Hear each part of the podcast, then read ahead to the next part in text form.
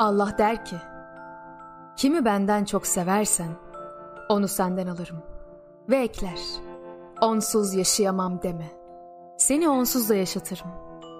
Ve mevsim geçer, gölge veren ağaçların dalları kurur. Sabır taşar, canından saydığın yar bile bir gün el olur. Aklın şaşar, dostun düşmana dönüşür. Düşman kalkar, dostun olur. Öyle bir garip bir dünya. Olmaz dediğin ne varsa olur. Düşmem dersin düşersin. Şaşmam dersin şaşarsın. En garibi de budur ya. Öldüm der durur. Yine de yaşarsın. Bazen iki seçenek arasında kalır insan. Hangi birini tercih edeceği hususunda kararsız kalır.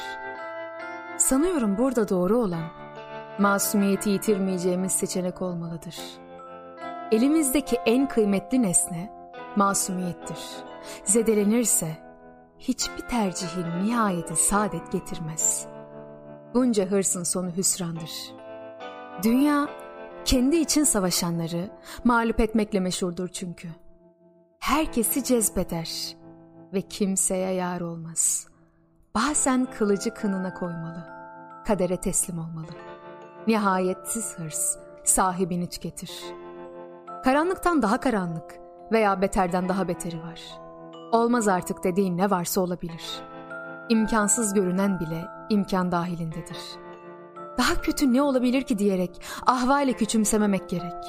Zira kaderi sınamak tehlikelidir. Daha kötüsü de mümkün. Elde mi etmek istiyorsun? Israr etmemelisin der Cibran.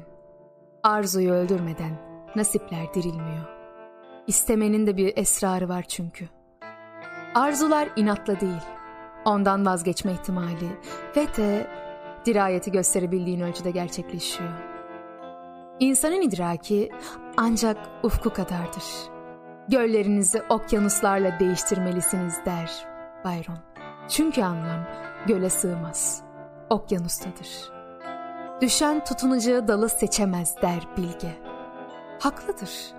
Lakin bir yalana yahut günaha tutunmaktansa düşmek ayağa kalkmaktan yeğdir.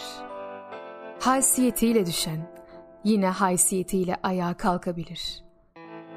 Ve fakat sırf ayakta kalmak için aldanan düşmese bile her şeyini kaybetmiştir. Güzel şeyler duymaya insanın ihtiyacı var. Umuda birkaç kelimeye tutunmaya ihtiyacı var.'' herkese her şeyin çok görüldüğü bir çağda bunu çok görmeyin. Güzel sözü ezirgemeyin. Belki de bir kimsenin su kadar ihtiyacı vardır duymaya. Henüz sunanmadığı sürece herkes iyi ve masumdur. Mühim olansa sınandığı halde iyi kalabilmektir. Asıl imtihan kaybetmeyi göze alarak iyi kalabiliyorsan insansın.''